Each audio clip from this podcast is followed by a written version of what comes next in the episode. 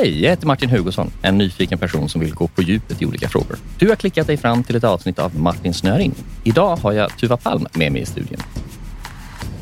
Varmt välkommen Tuva! Tack! Roligt att vara här. Kul att ha dig här. Vi ska ju börja med att snöa in lite grann på dig. Mm. Och jag har försökt Mm. göra lite research. Mm. Jag ser att du är CPO på Utopia Music och Board Director på Lunar, Mm. Fortnox, Yes. Easy Park, She Invest och så driver du Stockholm Tech.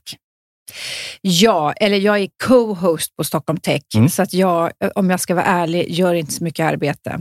Det är Tyler Crowley som gör själva jobbet. Jag ska inte ta åt mig för mycket ära av det. Först bara, hur hinner du med allt det här? Ja, det brukar folk alltid fråga när jag gör massa saker och då blir jag lite stressad och tänker, "O- oj, har jag missat någonting? Jag vet inte, jag har väl alltid, eh, jag har alltid gjort mycket saker. Jag gör bara saker som jag tycker är kul och då, då känns det inte så betungande. Jag blev mer nyfiken på hur du kopplar av faktiskt. Jag tror jag är väldigt duktig på att koppla av. Mm. Jag liksom släpper allt. Vad gör du då? Ja, men kanske går ut med hunden eller uh, slänger mig i soffan med mina tonårsdöttrar och snackar lite goja med dem. Eller, uh, Du är en väldigt söt hund. Visst Vad är det för ras? Tollare. To- Vad är det för något? Eh, det är en fågelhund. Ja. Jag, jag tänkte faktiskt att jag skulle ta med henne, men nu är hon hemma. Tänkte, eh, hon är så tyst och fin och snäll. Men hon är ju ja, hon är som en eh, liten karamell. Hur gammal är hon? Det har varit svårt att se när man kollar på sociala medier. Ja, ja, nej, hon är nio månader. Ah, okej. Och eh, Nu ska hon vara i sin värsta ålder och hon är väldigt trevlig och lugn. Och liksom, ja, men det är klart att när hon ser en annan hund som verkar festlig, då är hon lite sprattig. Men Mm. annars är hon väldigt lugn. Väldigt lugn och kunna, alltså jag skulle kunna lätt haft med henne här. Nästa gång. Ja. Mm. Jag ska, du började din karriär med studier på Stockholms universitet och KTH. Ja, KTH först. Ja. Okej. Mm. Och sen under slutet på KTH så forskade du. Ja, eller det är också en lite överdrift. Jag hade tänkt att jag skulle forska, så jag, Mm. men jag skrev bara ett papper. Ett papper. Jag, jag, och, det, och det var liksom en sån här...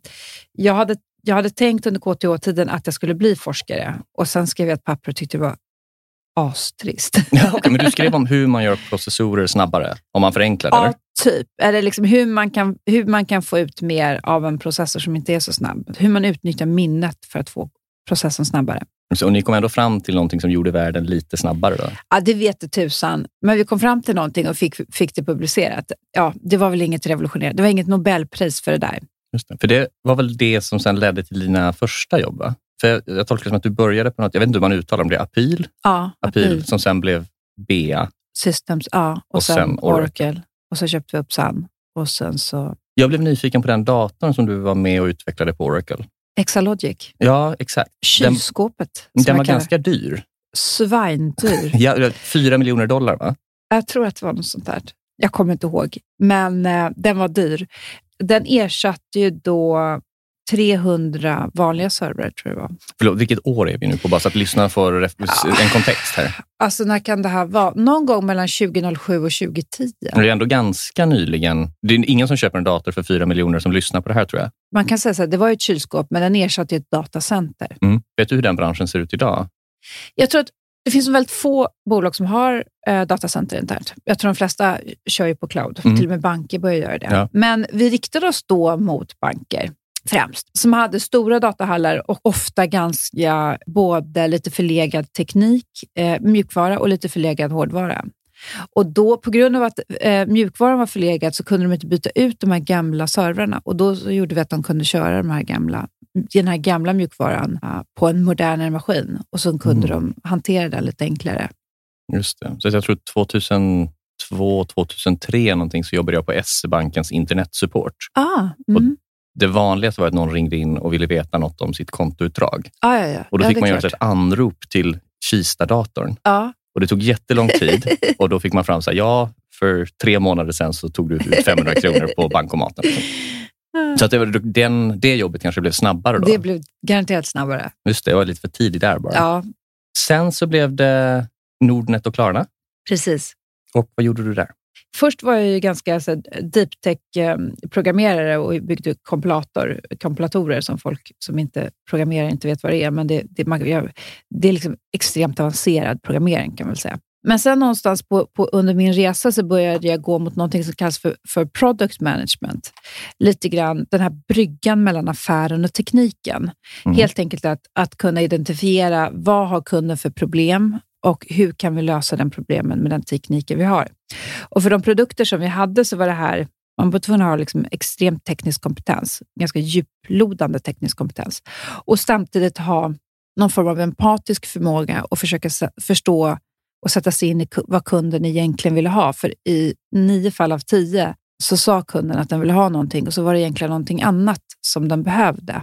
Så det började jag med ganska tidigt. Och sen efter hela den här att vi hade byggt massa stora system till stora banker och så och höll på att bygga programspråket Java också, som ändå var ganska tekniskt avancerade, eh, stora system, så gick jag till Klarna där egentligen med, eh, med uppdraget att jag skulle bygga någon, någon stor plattform de skulle göra. Det visade sig bara att, att de hade köpt en plattform, så det var inte så mycket att bygga. Så att där fick jag liksom hitta en annan roll. Och hade jag vetat vilken roll det skulle bli hade jag nog egentligen faktiskt inte tagit det jobbet, men jag är glad att jag gjorde det i efterhand. För då, då fick jag bygga deras konsumentproduktstrategi. Eh, de var jätteduktiga på att jobba mot e-handlare och byggde ju en, en väldigt, eh, liksom för e-handlaren väldigt bra produkt som tog hand om betalningen och gjorde det enklare. Gjorde det enklare för kunden att betala så att fler betalade. Men sen hade man, eh, man hade växt i ljusets hastighet och var jättestor och hade liksom inte full koll på alla kundresor så att det var e-handlaren som skulle skicka med fakturan till exempel. För de visste ju vad som hade köpts och sådär. Så, så, så, det var liksom den första affärsmodellen. Men sen visade det sig att vissa e-handlare skickade inte iväg den där och de la fakturen i den här papperslådan och så folk slängde, slängde alla pappren, tog upp sin grej de hade handlat och så slängde de fakturan och såg inte den. Och så skickade vi en påminnelse och då blev det lite dålig stämning. Och där då försökte vi hitta sätt att hitta en direktkommunikation till kunden så att kunden då skulle liksom dels vara medveten om att den faktiskt handlade med Klarna i slutändan var ju vårt mål att den verkligen skulle vilja handla med Klarna. Om det lyckades ni väl med? För när du kom in så var man ju ganska irriterad på Klarna ja. som genomsnittskänsla. Ja. Och nu är väl genomsnittskänslan att Klarna är fantastisk. Positivt. Ja. ja. Jag, jag, vet att vi hade som något sånt här lite internt mål att, att kunder skulle googla på en vara och Klarna det säger om, om du vet att du vill köpa den här kaffetermen till exempel, mm. så skulle du googla på den och så skriva Klarna för att se vad du kunde köpa handla med Klarna. Vi fick någon statistik på det där sen och det var faktiskt folk som gjorde det. Mm. Men det sorgliga där var ju att eh, det var ju, folk, alla trodde ju var medvetet att man inte skickade ut fakturor och att det var ett ja. sätt att tjäna pengar. Och det var det ju verkligen inte. Och de här grundarna, de var ju liksom, var så gulliga för de var ju genuint ledsna när det här hände veckan. Du kan tänka dig, du har liksom din underbara baby som du har uppfostrat och sen kommer du hem så visar sig att babyn har blivit ett Mobbar, liksom, mobbare. liksom, ja. Och sen var jag på Nord, var jag både CTO och CPO och försökte bygga om deras plattform. Just det. Apropå gamla bankplattformer. Vi har inte tagit upp allting som finns liksom med på, på din LinkedIn här, men nej, du har varit styrelsemedlem på Leo Vegas, tror jag, mm. och mm. Atomico. Mm, jag ängelinvesterare på Atomico. Ja, det är jag faktiskt fortfarande. Okay. Det har inte skrivit in där. Nej. Men jag tänkte på, när du pluggade på KTH, mm. trodde du att du skulle få vara med om allt det här? Vilka, vilka visioner hade du då? Alltså mina visioner när jag pluggade på KTH, då var jag, alltså jag undrar ibland om jag, liksom vad som hände efter KTH. För att jag, hade, jag trodde typ att jag skulle få Nobelpris. Jag hade blivit väldigt besviken om, det, om jag hade sett det jag gjorde, har, har gjort nu. Eh, och när jag tänker tillbaka så, så känner jag så här, gud, jag, måste liksom, jag, vet, jag vet inte vad, vad som hände under de där åren, men jag var verkligen ambitiös när jag pluggade på KTH. Mm. Lite så här, jag så här, gud vilken oavslappnad, jobbig typ folk måste tycka att jag var. uh. Men det var en väldigt rolig tid tycker jag, just att ha de där drömmarna. Jag, jag, hade, jag vet att jag hade som mål att bli VD för Ericsson på tio år när jag pluggade på KTH. Mm. Och eh, vad jag nu baserade det på, så skulle jag också bli någon stor forskare. Men det känns ju skönt och som eh, ändå en förebild du är inom, eh, inom tech, där kanske de amerikanska förebilderna har ju hoppat av skolan. Ja, ja, nej, jag Men du var körde ju liksom skolan. Jag, tvärt emot. Jag, tvärt emot. Och jag var väldigt ordentlig och duktig i skolan. Jag var ju så här, liksom, det var inte så att jag skulle fuska mig till någonting, utan jag var ju, gjorde, var ju, var ju liksom, och jag kommer ihåg att vi hade någon kurs när man bara kunde få god. Jag var ju väldigt, liksom, jag ville ju ha bra betyg. Eh, och sen när jag jobbade heltid och jag pluggade parallellt så var ju för, istället för att vara glad för att gud, jag klarar det här, så var jag förtvivlad för att jag inte fick högsta betyg då och då. Så jag hoppade av jobbet, vilket var, nu det har gått bra för mig ändå, men vilket i efterhand så kan jag känna, gud, det där var ett stort misstag. Jag skulle ju jobbat. Det är jätteviktigt att jobba samtidigt som man pluggar. Så jag såg till att även liksom få bra i de här kurserna när man bara kunde få godkänt. Mm. Jag var nog väldigt så här, duktiga, duktiga flickan där i, i skolan. Du kanske inte rekryterar personer som kommer direkt från eh, universitet nu, men när jo. du har gjort Ja, okay, men om du gör det nu, så här, hur, hur, stor vikt lägger du vid deras betyg? Jag tänker vi skickar med det till de eventuella studenter som lyssnar. De säger att man rekryterar folk som är lika en själv. Jag lägger nog faktiskt ganska stor vikt på det. Mm. Men sen lägger jag också stor vikt på om man har jobbat till exempel. Mm. Om jag tittar till mig själv till exempel. Jag skulle värdesatt mer att jag hade jobbat på Microsoft och pluggat parallellt och bara fått treor allting. Mm. Än att jag hade massa femmor. Och inte jobbat. Så vi kan uppmuntra studenter att jobba också. Liksom.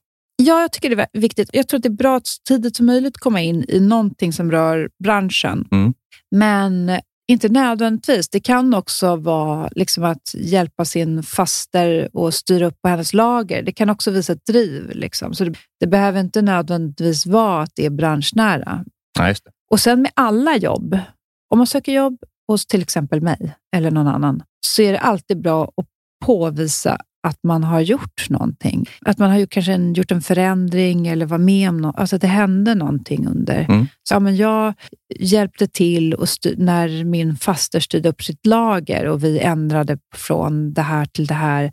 Alltså det kanske är mer viktigt än om du har bara suttit och tagit en uppgift och gjort den. Att man varit med om en förändring är ju oftast väldigt bra att ha gått igenom till exempel. Just det. Förbättrat någonting. Vi skulle också nämna att du föreläser Ja, jag har gjort det i alla fall. Nu föreläser jag inte speciellt mycket, men jag har gjort det genom åren. Vad brukar du prata om då? Nej, men det har varit lite olika. Jag har ju haft några år här när jag har, har pausat lite grann och bara gjort lite investeringar och suttit i styrelser och så. Och då hade jag mer tid att köra lite föreläsningar. Det var väl lite skräddarsytt, eh, men, men mycket kring att göra en transformation till exempel. Mycket om det som idag kallas för digitalisering. Jag är inte så jätteförtjust i det ordet, men, men det är ju ändå vad det är och ledarskap.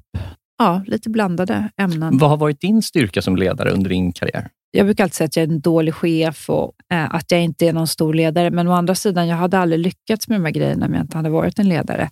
Om jag ska vara ärlig. För det är ju många av de sakerna som jag har gjort, har ju mitt team gjort. Det är inte jag som har gjort någonting egentligen, utan jag har ju bara påvisat vad vi bör göra jag tror kanske att min styrka ligger någonstans där i att jag har å ena sidan varit ödmjuk. Det är experterna som är på golvet. Det är den som vet bäst om hur man bör bygga någonting. Det är den utvecklaren som, bygg, som sitter och jobbar med de här sakerna. Den som vet bäst om hur den här appen ska se ut, det är den UX-designern som sitter med det. Så ödmjuk å ena sidan, men andra sidan väldigt um, men lagt kort ligger. När vi väl tar ett beslut, då måste vi stå fast vid det. Mm. Så att inte velig där och liksom, jaha, vad tycker du? Vad tycker du? Utan å ena sidan samla in information och å andra sidan säga att nu gör vi så här. Kommer du ihåg något beslut som du sen, efter att ni hade fattat det, kände dig orolig inför om det var rätt eller inte, men ändå höll fast? Liksom? Ja, men det har ju varit flera sådana beslut och det är flera beslut man har tagit när man har tagit fel beslut. Jag tror en sak som jag har insett på äldre dagar när man är chef, formell chef, då är det väldigt lätt att råka ta ett beslut utan att man förstår att man egentligen tar ett beslut.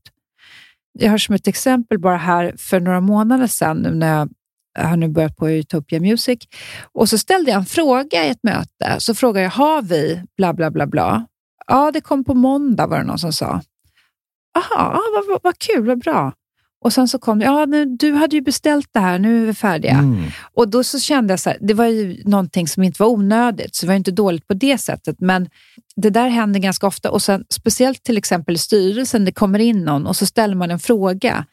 Att man måste också där vara, vara liksom lite ödmjuk i hur man kommunicerar så att man inte råkar ta ett beslut som är, är ovettigt. När man inte har alla perspektiv så tar man oftast ganska dåliga beslut. Ibland måste man ta beslut i, de situa i sådana situationer. Jag har tagit så många dåliga beslut så jag kommer knappt ihåg dem.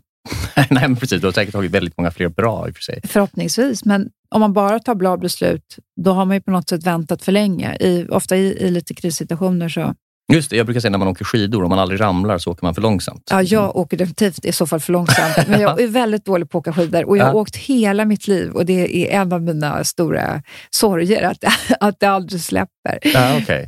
ja, men då får kanske det där... Jag ska öka farten. Jag får ta med dig ja. lärdomar från hur det är att vara chef. Liksom. Man måste ja, tänja precis. sin gräns. Jag måste liksom. tänja gränsen, ja.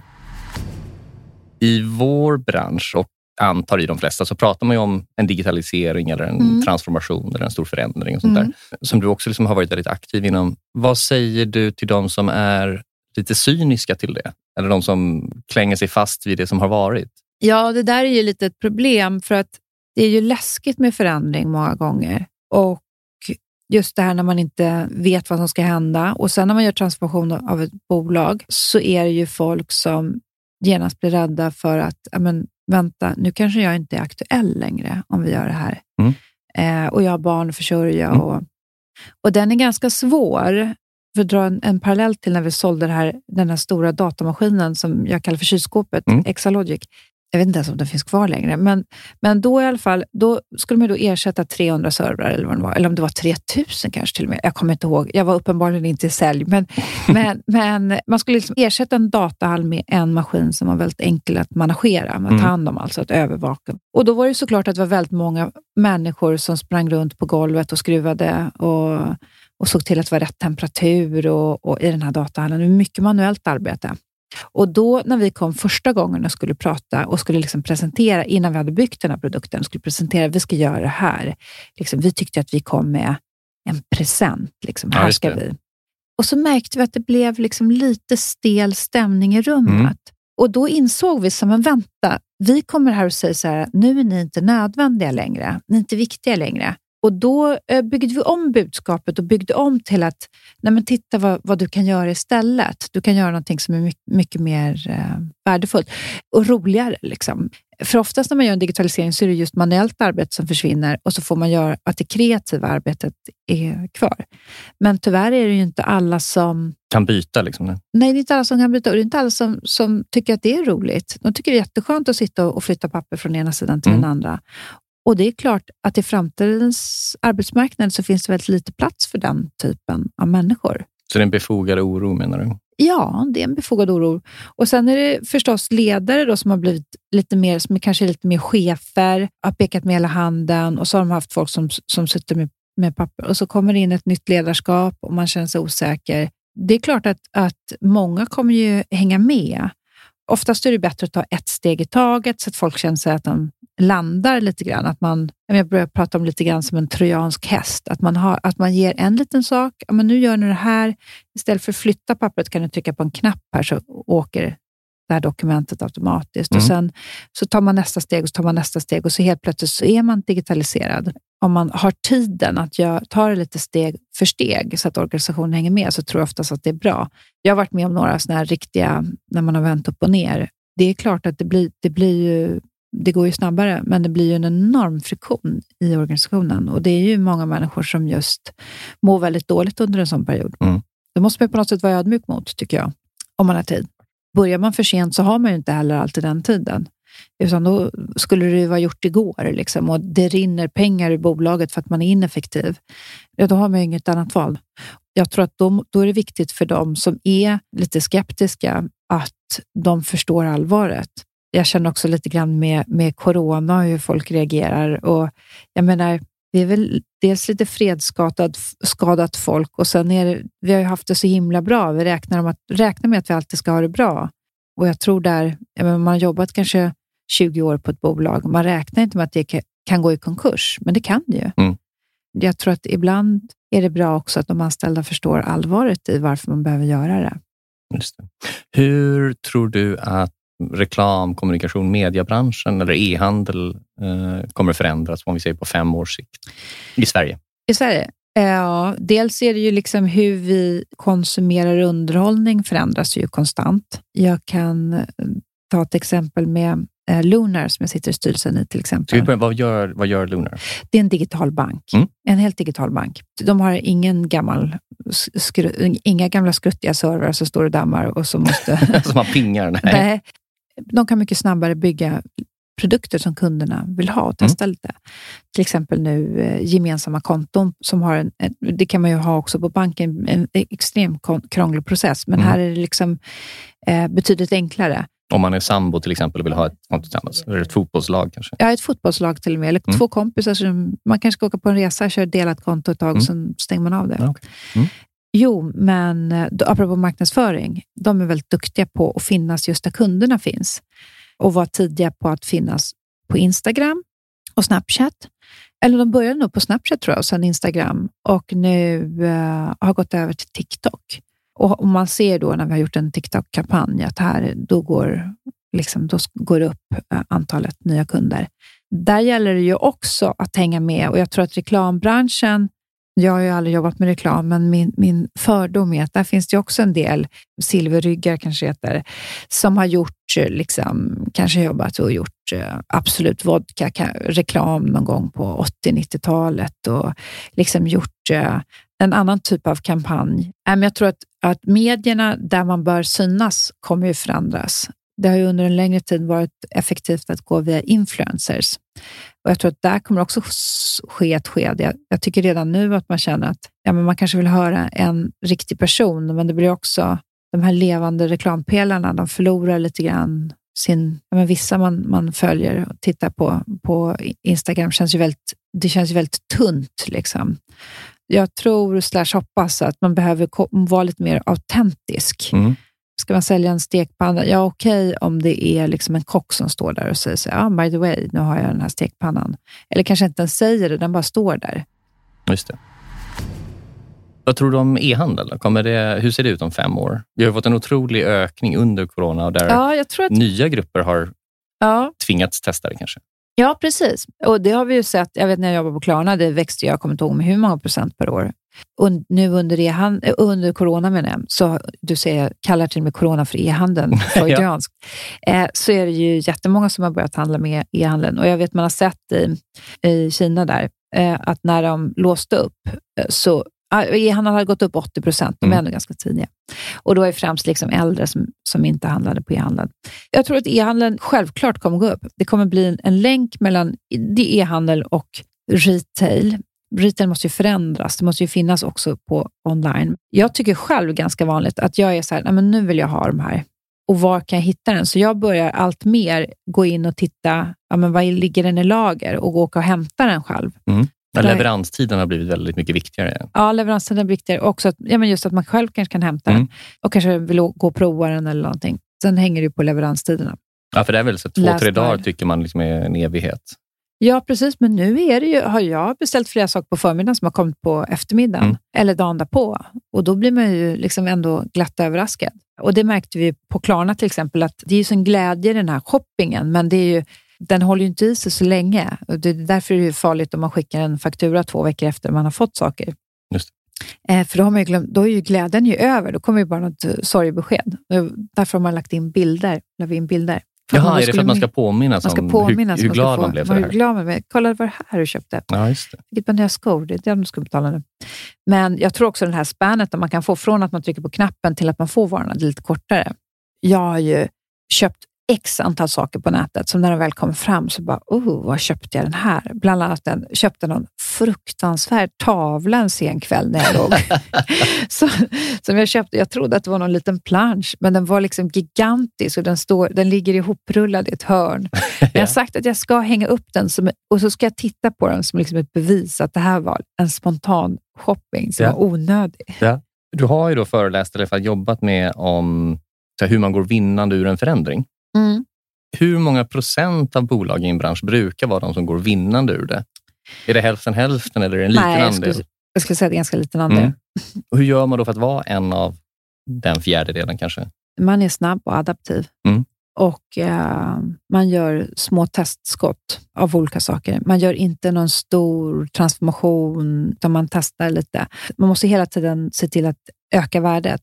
Så till exempel om man, om man har en, en produktionslinje av någonting och som är väldigt manuell och så ska man digitalisera den, eller vad blir det? Automatisera då kanske man säger eh, produktionslinan så att då istället för att få en sko tillverkad på fyra månader så blir det fyra dagar eller vad det mm. nu kan vara. Eh, då måste man samtidigt se till att det inte är samma skor som tillverkas om två år när man väl är klar, utan man måste samtidigt jobba på att skon måste också vara modern om två mm. år. Det blir lite grann att jobba i två ändar, eh, brukar jag kalla det för. Så dual track eh, strategy brukar jag kalla det för. Att man måste dels effektivisera processer och hur man ja, digitaliserar själva affären och sen måste man hela tiden vara innovativ och komma på lite nya saker och återuppfinna sig själv. Just det. Jag tror att det är ganska svårt. Någonting som är vanligt också, som man ser i vissa bolag, att de, de har lyckats med någonting och sen så när det börjar gå lite dåligt, då försöker man igen med bara mer av det som man mm. har gjort tidigare, som har gått bra. Är inte det, det, liksom, det lätt, alltså default-läget är väl att jobba lite hårdare med samma saker? Ja. Tror, är det lättare för ett litet bolag att förändras eller är det lättare för ett större bolag som har mer resurser? Jag tror det är mycket lättare för ett litet bolag. Det är av två anledningar. Dels är det att man måste förstå att det här är viktigt.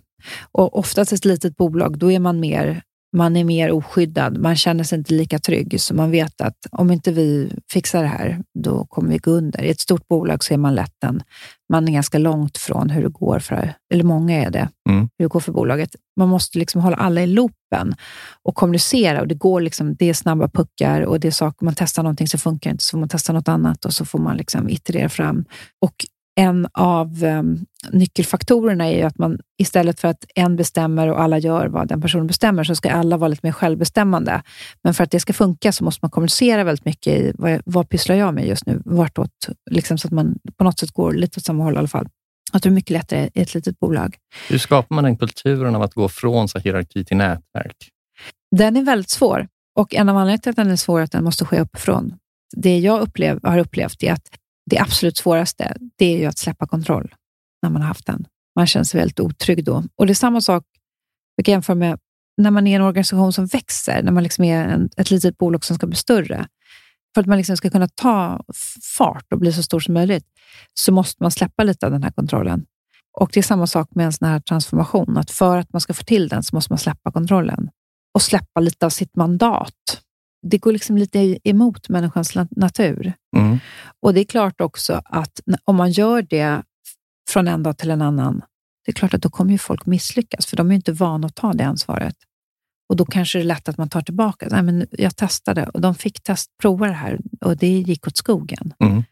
Och då istället för, ska man då istället hitta ja, men hur kunde vi stoppa, det gick åt skogen, men hur kunde vi stoppa det snabbare? Liksom? Hur kunde vi se till att vänta, det, här, det här var ingen bra idé. Vi skulle behövt stoppa just det här initiativet betyder tidigare, insett att, att det inte skulle bli något bra och vara lite självreflekterande där. Men det är klart, jag, jag, vet inte om det är sant. Jag tror jag har läst att så som vi oftast styr företag är liksom inspirerat av typ Napoleon. Mm. Att han lärde sina soldater att läsa och då kunde han skicka order mm. effektivare genom mm. sin hierarki mm. ut mm. omkring i Europa. Mm. Det, det, är ett ganska gammalt system då, som mm. ändå flera generationer har vants vid. Mm. Hur lång tid brukar det ta att, att växla över då, till att sprida ut ett mandat i en organisation och lita på varandra? På Nordnet gjorde vi en sån transformation och den, jag skulle säga att den tog ungefär ett, ett och ett halvt år. Det var alldeles för snabbt. Jag skulle säga att den bör nog ta två, tre år egentligen. Och Hur stor andel är det att människor börjar jobba på ett nytt sätt och hur stor andel är att det är nya människor som kommer in? Jag tror att det måste vara en kombination. Mm. Jag var ute efter det, men jag tänkte, hur stora ja, är skålarna? Det vet jag inte riktigt, Nej. men jag tror att man behöver, få i, man behöver nog få in en lite ny fläkt i nästan alla team. Mm. Högt och lågt. Som inspiration och med lite nya ögon och, lite, och som heller inte är rädda. Jag brukar prata om att lärande inte längre är att man en gång om året får åka till en kursgård och eh, gå en utbildning utan att man måste lära sig lite varje dag. Mm. Men att det kräver en annan sorts disciplin så att man tar större ansvar för, för att kurera sitt eget flöde. Mm. Eh, är det någonting du håller med om? Absolut. Men hur hjälper man sitt team att så hitta den disciplinen? det är ju lättare om chefen säger nu ska du åka till Dalarna och du ska gå den här kursen i självförverkligande. Ja. Just självförverkligande kanske är svårt att lära sig lite. Där, där får man väl liksom vara självreflekterande. ja. Nej, jag eh, brukar själv dela till exempel bloggar eller artiklar om olika ämnen som jag kan tycka är intressant, som man kan behöva läsa på och uppmuntra lite folk att ja, läsa böcker, testa nya applikationer, att man provar olika saker. För i min bransch så kanske istället för att gå en kurs kanske det är viktigt att man, vara först med att ladda ner Uber eller TikTok och förstå hur de fungerar. Mm. För att när man bygger produkter så är, jag brukar säga att kundens förväntningar på din produkt är en summa av alla bra kundupplevelser den har haft. En digital produkt alltså. Mm. Så att även om du eh, sitter och ska köpa och sälja aktier så har du precis beställt en taxi med Uber, kanske tindrat det till en lunchdate. Du måste liksom kunna fungera i det ekosystemet så att inte du går tillbaka till 1998 och ska köpa en aktie. Och den, den delen tror jag är viktigare att våga testa nya saker kanske än att åka till en kursgård. Men kanske vad jag är ute efter är att man, man kan inte vänta på att någon annan säger det här Nej, ska du lära dig. Man måste själv ha nyfikenheten Ja, att titta på. precis. För oss då, nu när den här plattformen Clubhouse börjar komma, Ja, så måste man ju själv skaffa sig en invite och försöka Ja. lära sig och förstå dynamiken i det. Ehm, men det är inte så att någon chef kommer skicka ett utbildningspaket. nej. Men vad jag fiskar lite grann efter är så här, hur, hur Skönt hjälper man folk? man gjorde det. ja, verkligen. Jag väntar fortfarande på att min chef ska skicka det där. Ja. Men hur, hur hjälper man folk att hitta disciplinen att när de har fem minuter ladda ner Uber till exempel, istället för att gå hem? Jag tror ju mycket på att, att man tar upp saker. Att man i små eller stora team, kanske behöver vara på hela, hela organisationen, säger titta här, nu har det kommit. Det gjorde man till exempel mycket på Klarna när Snapchat kom. Mm. Då har jag en här rolig historia om hur vdn kom inspringande. Vi hade ett möte klockan åtta på morgonen eh, och vi skulle prata om hur appen skulle se ut. Och han kommer in, han hade ibland lite så morgonfrisyr. Du vet, Mm. Det stod åt alla håll och skjort. Den väldigt tjusiga, exklusiva koftan hängde lite. får, men åtta på morgonen tycker jag det låter ändå okej. Ja, men det är okej, men man kände liksom att han hade så flugit upp, hoppat i kläderna, Ja. sprungit till kontoret. Liksom han var så passionerad för vad han gjorde. Och sen så öppnade dörren och så bara, nu har jag hittat uh, Klarna-dödaren. Och vi bara, oj, hjälp, hjälp, hjälp. Vad har Paypal släppt något? Vad har hänt? Eh, Ja, den här Snapchat. Snapchat? Eh, men sen insåg jag vad han menade. Och så insåg jag just att han bara, titta gränssnittet är helt annorlunda än alla andra appar. Det är liksom, Mm. Du använder ytan upp och ner. Så insåg jag, fan, grabben är briljant. Jag- Några minuter innan hade jag tänkt att han kanske var tokig. Faktum är att det är många som kanske inte bygger gränssnitt, kanske inte tänkt på det, men, men Snapchats gränssnitt, den ändrade liksom standarden för hur man använder ytan på en smartphone på Mm. ett sätt som, som liksom många tog efter. Nej, men jag tror att ta upp, att prata om olika, om, om ju fler som gör det, om man själv gör det och tar upp någonting i, i någon ny app eller någon ny teknik eller någonting. I, det kan ju vara liksom också att man pratar om ett, ja men nu är det den här Java-dialekten Kotlin, är det någon som har testat det? Och kan några, har ni testat det? Ja, men kan inte ni presentera, bara göra en liten Kotlin-presentation på nästa stand-up eller Mm. nästa så här, team-meeting, ehm, så att alla får höra lite om det. Just det, så prata mer om de nyheter som finns. Ja, där. jag tror det. Givet att en omvärld förändras snabbt och du pratar om den här skon man skulle kunna utveckla, att under de här månaderna eller åren så kommer förutsättningarna förändras. Mm. Är det viktigare att ha en väl kommunicerad vision eller kompass nu, givet att man inte riktigt vet vad som kommer hända på vägen? Ja, Eller det där stora målet? det stora målet, men samtidigt så är det stora målet måste ju också hela tiden lite grann justeras, Mm. som jag ser det. Och där tror jag att många lite större bolag speciellt, de är liksom vana vid att de sätter en- vision eller någonting för fem år Mm. och en strategi och så ska Mm. man inte ändra den, då ska man jobba efter det. Och jag tror att det där behöver man kanske justera en gång om året, tycker jag. Mm. Och då brukar jag se till att man har en övning där man gör liksom en, man tittar på vart är världen på väg? Och inte bara, låt säga att man jobbar med skotillverkning Mm. till exempel.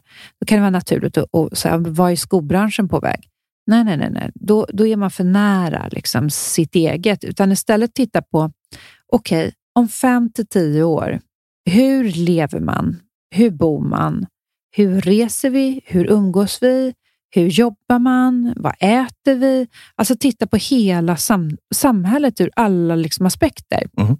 Och så har man då olika sessioner och så först kommer man överens om vart är världen på väg och sen vilken roll har vi i den här nya världen? Och sen kan man titta, ja, men hur, och i vår vision, håller den fortfarande? Om inte justera den och inte vara rädd att justera den lite grann. Och eh, gör man det, då kör man ju liksom inte så långt fel, utan då kalibrerar man ju hela tiden. Sen kommer man ju göra en mängd olika testskott och en mm. mängd olika beslut på vägen som kan vara mer rätt eller fel. Men jag tror att man måste justera visionen en gång om året. Just så mindre planekonomi även på visionsnivån? Då. Ja, det är inte så att man måste ändra visionen. Det är bara att kolla om den att dubbelkolla att den verkligen håller. Jag hade precis en sån sittning faktiskt med Easy Park häromdagen och då tittade vi på självkörande bilar till exempel och där har det ju svängt väldigt mycket. För några år sedan så trodde ju folk att, alla, att det bara skulle vara självkörande bilar om några år. Och nu börjar man mer inse att men självkörande bilar, det kan man bara ha i ett område där, där det bara är självkörande bilar. Ja, varför det? Självkörande bilar och människor passar inte så bra ihop. Okej. Okay. Mm. Är det för att människor kör sämre? Eller ja, dels det. Tar initiativ och, och så? Ja, och uh, oförutsägbart och också att det blir lättare att de här självkörande bilarna då kan kommunicera med varandra. Mm. Och att då den tekniken istället kan se till att dra ner på antalet skador ja, att framtiden kanske är att man då istället har vissa områden i citykärnan där man inte har bilar utan man har andra självkörande fordon. Mm. Just för Easy Park, deras, deras strategi och vision håller ändå, men liksom vissa sådana här assumptions liksom är viktigt att man fångar upp. Jag tänkte vi skulle prata lite grann om eh, She Invest också, ja. som du är aktiv i. Mm. Mm. Uh, vill du för, kort förklara liksom vad det är och ja. er tanke? det är jag och en vän till mig som pratat om just metoo, metoo-backlashen och just um, vi har följt Framtidsfeministen som har en, en aktieportfölj som levererar bättre än, än index med, med råge. Hon investerar bara i jämställda bolag. Och vad är hennes definition på det? Jag vet inte exakt vad hennes definition är faktiskt, men vår definition är minst 40 procent kvinnor, 40 procent män. Och Sen kan det vara liksom 40-60, 60-40, mm. men, men 50-50 är svårt. Det, liksom, måste vara ja, det är svårt om man är fem. Ja, precis. Eh, så 40-60 kvinnor män i ledningsgrupp eller styrelse och sen tittar man på kvinn, om det är en kvinnlig vd eller kvinnlig styrelseordförande. Jo, men vi pratar om det och vi upplevde det att i vissa delar till och med nästan går bakåt och framförallt att mm. inget händer det är fortfarande lite de här bastuklubbarna eller liksom eh, gubbklubbarna i många, i många, speciellt i investerarvärlden där vi mm. båda två rörde oss. Så kände vi, men och det finns massa forskning på att det genererar bättre finansiellt resultat, och så här, men, men att man inte liksom, att man inte gör någonting åt det här. Och Då eh, hade han en, en gammal fond som låg och skvalpade, som vi helt enkelt tillsammans med Alfakraft, som har, de har licensen och alltihopa, satte upp en fond som investerar enbart i um, jämlika bolag. Och så slängde vi in lite pengar eh, och så lät vi den där tuff, tuffa på. Och Det här var alltså maj 2019.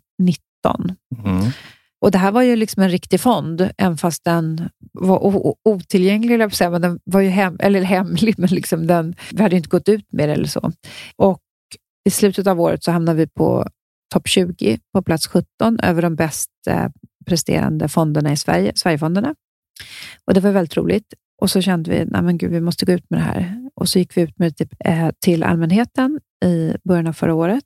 Sen fick vi tyvärr lite backlash på grund av corona, där vi, vi hade liksom möte med massa family offices. Ja, vi hoppas att vi kan kunna ta upp det spåret nu, men fonden har presterat eh, högre avkastning till lägre risk och lägre volatilitet än index. Ja, det är fantastiskt. Hur många bolag är, så att säga, Följer den här, kvalar in kvalar in. i ja, ert urval av urvalen. stock? Investerar ni bara i Sverige eller är det globalt? Sverige bara, ja. börjar vi med. För det är lättare att ha koll i mm. Sverige. Sen, vi hade också haft högtgående ambitioner, men vi insåg att det var för svårt att titta även på mångfald ur andra perspektiv. Mm. Men det blir svårare, då måste man gå in och titta på varje bolag och så blir det också lite grann en etisk fråga. Om man är adopterad till exempel, vi tänkte att det, det problemet löser vi senare. Ja. Beroende på hur många stjärnor man... Vi har ju då en stjärna per varje, då, så man har ledningsgruppen, som får man en stjärna, VD eller, eller styrelseordförande en stjärna och styrelse en stjärna. Så man är noll till tre stjärnor. Mm. Och om man räknar med även enstjärnorna, då är det nog, det är nog en 100, 100, 100 bolag ungefär som man kan välja mellan. Och hur många finns det totalt i Sverige? Många. Investerar ni i börsnoterade bolag? Ja, eller? det är Stockholmsbörsen. Ja. Tusen? Ja, typ. Så ert urval blir ändå ganska begränsat? Ja, men sen har, ser vi till andra perspektiv också. Vi vill ju följa de här etiska eh, råden, till mm. exempel. Så vi vill inte investera i vapen eller någonting sånt. Eh, och Sen tittar vi också på om den har tillväxtpotential och ja, lite andra. Ja, men det förstår jag. Ni kan inte investera i ett bolag bara för att det är jämställt. Utan Nej, det måste precis. vara vi har, också. Vi har lite, det är lite handpåläggning, så det är en aktivt förvaltad fond. Men det vi ser är att när man startar en ny fond så brukar man få in liksom några, ja, ganska få sparare i början mm. såklart, som sätter in ett visst belopp och sen ökar de. Men här såg vi att här fick vi in jättemånga småsparare, mm. så betydligt fler än normal fond, eller man ska säga. Men de satte in lägre belopp. Eh, så vår hypotes är då att det är kvinnor som sparar, mm. som inte kanske sparar lika mycket.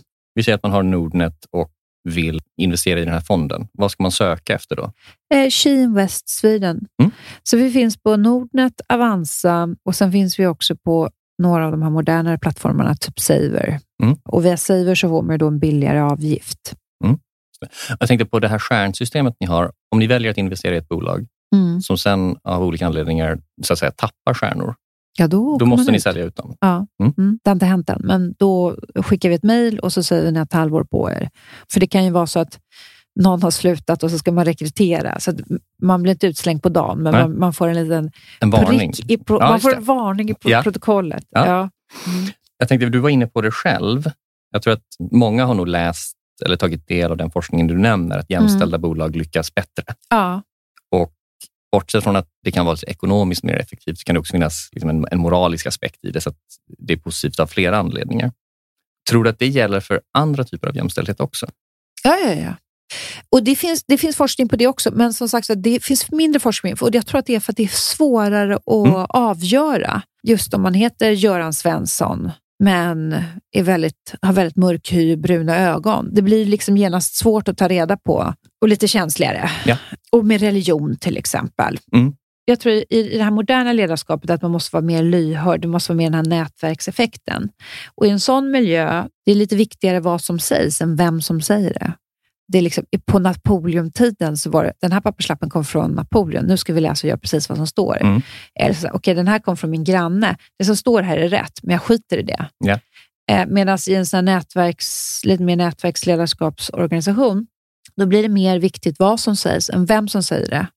Och då blir det naturligt jämställdhet. Sen vet jag de, de liksom som är emot jämställdhet, det är ganska många som är emot jämställdhet i näringslivet. Eh, de flesta skulle jag tro, om jag ska vara ärlig. De flesta, inte öppet, men... men Varför tror du de är emot det?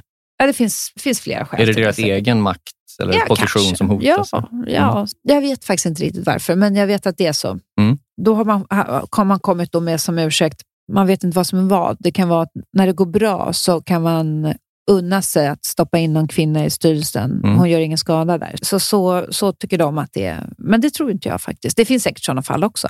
Men eh, jag tror att just när man har en organisation där det spelar mer roll vad som sägs än vem som säger det och man också har en förmåga att lyssna in på lite olika typer av... Alltså att man kan lyssna på till exempel en ingenjör som vet bäst om hur saker byggs. Man kan lyssna på någon som sitter på kundtjänst för att förstå vad klagar kunderna på. Ja, men då har man ju en organisation som är ganska lyhörd. Så tror du att det är så att säga, lyhörda och därmed jämställda klimatet som ökar värdet eller effekten? Eller är det jämställdheten i sig som gör det för att man har olika perspektiv på frågor? Nej, och? Jag, jag, tror att det är lyhördheten mm. och lyhördheten tror jag automatiskt leder till mångfald mm. ur, ur, både, ur alla perspektiv. Och Det var därför också vi, vi enades om att nej, men vi, vi tar jämställdhet för mångfald blir, blir för komplicerat men att eh, lista ut, eller man ska säga. Men, men däremot så tänker vi att mångfalden i en sån miljö kommer automatiskt förhoppningsvis. Men vårt syfte med fonden var ju också att min kollega han räknade ut att de, eller om alla kvinnor i Sverige skulle sätta in 500 kronor eller vad det var. Ganska det blir två miljarder. Ja, då skulle fonden vara så pass stor att man skulle kunna påverka näringslivet i den riktningen så det är ju liksom... Ja, då kan det bli som en sån GameStop-reaktion. Ja, ja, precis. Så kan det bli. Den var ju spännande. Det var till och med mina, eller till och med, mina extremt spelintresserade döttrar var alldeles till sig över den ja, historien. Ja, ja, då kan man påverka så att man liksom kan på något sätt tvinga de här gamla maktstrukturerna att, att ändra sig. Just det. Så det är ju inte bara ett sätt att man tjänar pengar på, på sina besparingar och, och får en, en högre avkastning till en lägre risk, vilket är trevligt, speciellt i lite oroliga tider. Men också att om alla verkligen lägger in en liten slant, då skulle det här kunna bli en maktfaktor. Ja, det är bättre än att bara trycka like på Facebook, så kan man lägga ja. 100 eller 500 kronor hos ja. er. Ja. ja. Smart. Mm. Vi har två stående frågor i podden mm. som jag tänkte ta med dig också. Mm. Eh, den första är så här, Pay it forward. Vem skulle du vilja lyssna på? Just nu håller jag på att läsa en bok om Caroline Farberger. Hon är ju VD för ICA Försäkring och förut hette Karl Farberger ja. och gjorde ett könsbyte, heter det väl, ja. för några år sedan. Jag känner henne lite grann och det är så oerhört fascinerande att lyssna på hennes historia. Eh, nu har jag bara kommit halvvägs i boken, men hon har sagt några saker om ledarskap. Den här historien handlar ju mer om, om hennes livsresa, liksom hur hon kom på att hon egentligen var kvinna. Mm. Men hon har sagt några så spännande saker. Bland annat, hon fick frågan, hur skulle man fått dig eller, som man, Karl, att förstå att jämställdhet var viktigt? Och hon sa att man skulle vara tvungen att slå mig med en stekpanna i huvudet för att få mig att förstå. Hon har ett väldigt, liksom, väldigt ärlig och öppen i det här. Så hennes ledarskapsresa skulle jag, är jag jättenyfiken på. Nu håller jag på att läsa om hennes livsresa från, från man till kvinna, men hennes ledarskapsresa. Ja, Hur skiljer sig ledarskapet som man och som kvinna? Hon kanske har sett det från två håll. Ja, ja precis. Och hon var ju då så här superstreber, superduktig, McKinsey och liksom hela, liksom verkligen en superkarriär. Spännande. Det låter jätteintressant. Ja. Tack så jättemycket för att du ville komma idag. Ja, tack det var själv. jättespännande att prata ja, med dig. Trevligt. Toppen. Toppen. Tack, tack.